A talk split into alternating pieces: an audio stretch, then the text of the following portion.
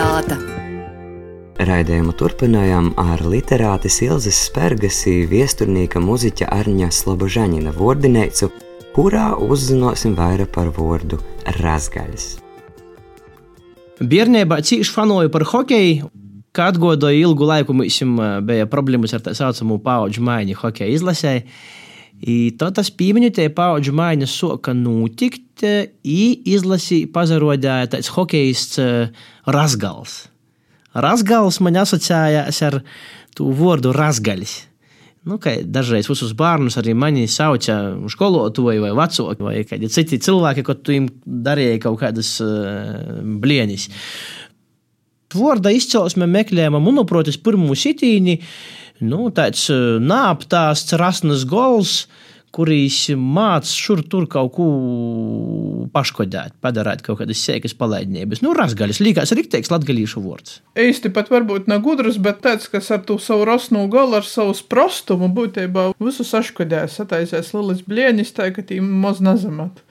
I tad es atradu vienu rakstu, ko es tev arī aizsūtīju, ka patiesībā Leonardam Latkauskam pēkšņi ir cita versija.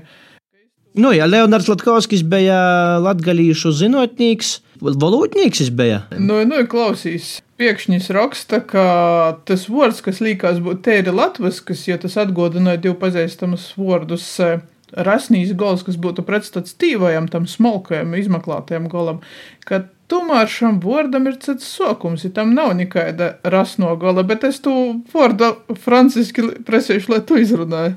Tāpat par franču valodu, jo es pēc tam arī uh, jau studējot uh, Lielbritānijā, Bristolī, studējos, es dzirdēju izteicīni uh, Rascal vai Raskal. Jo man bija tāds interesants atgadījums, arī es braucu no darba ap diviem naktī ar ritini, man uzbruka razgali. Nu, tas, kas nepatika, ja man, naskūtī pabaidīja, asim, ko viņa pascievu, tad viņa vienkārši mani notrīca no, no ritiņās nokritu. Nu, vārdu sakot, pēc tam pat tas, kas izsauca policijai, tu visu komentē, nu, ka Raskals. Ja man atkal attēlus atminēt, ir razgaļi, un izrāda angļu ir tāds apzīmējums, raskalp, kas cielīs no senfranču raskvē. Ar tādu nozīmi, ka natērs mazvērtīgs cilvēks, klaidūns, palaidnis. Tā kā izrādās, ka latviešu valodā tas ir rīkojis patiesībā no frančiem. Te ir Leonarda Latkovska versija. Protams, mēs nezinām, kā ir īsti bijis. Starp citu, runājot par Bristoli, kurā studēju, pavisam nesen es atklāju, ka cara laikos, 16. un 17. gads, Korsavā ir bijusi viesnīca ar nosaukumu Bristoli. Ar krīvisku uzraksts. Tas tikai liecināja, ka tie vārdi ceļoja vienas tautas otrai, kas nav nekāds brēnums, ja mēs varētu arī nokļūt angļu vārdi. Patiesībā tas, ka es ir uzvārds, tikai līdzināja, ka te. Nu, arī tamā skaitā uzvārds var arī mīrīgi būt. Par to, ka, kā jau nu, tu sacīji, cilvēki ceļoja, mīrīgi var būt kāds atceļojis, un citas puses ja arī tamā uzvārdā bijis. To etimoloģiju mēs neizzinosim.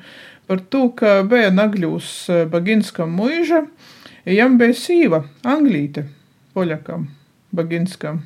Tā kā viņš savu sīvu bija atvedis no Anglijas. 19. gadsimta beigas, 20. gadsimta sākums.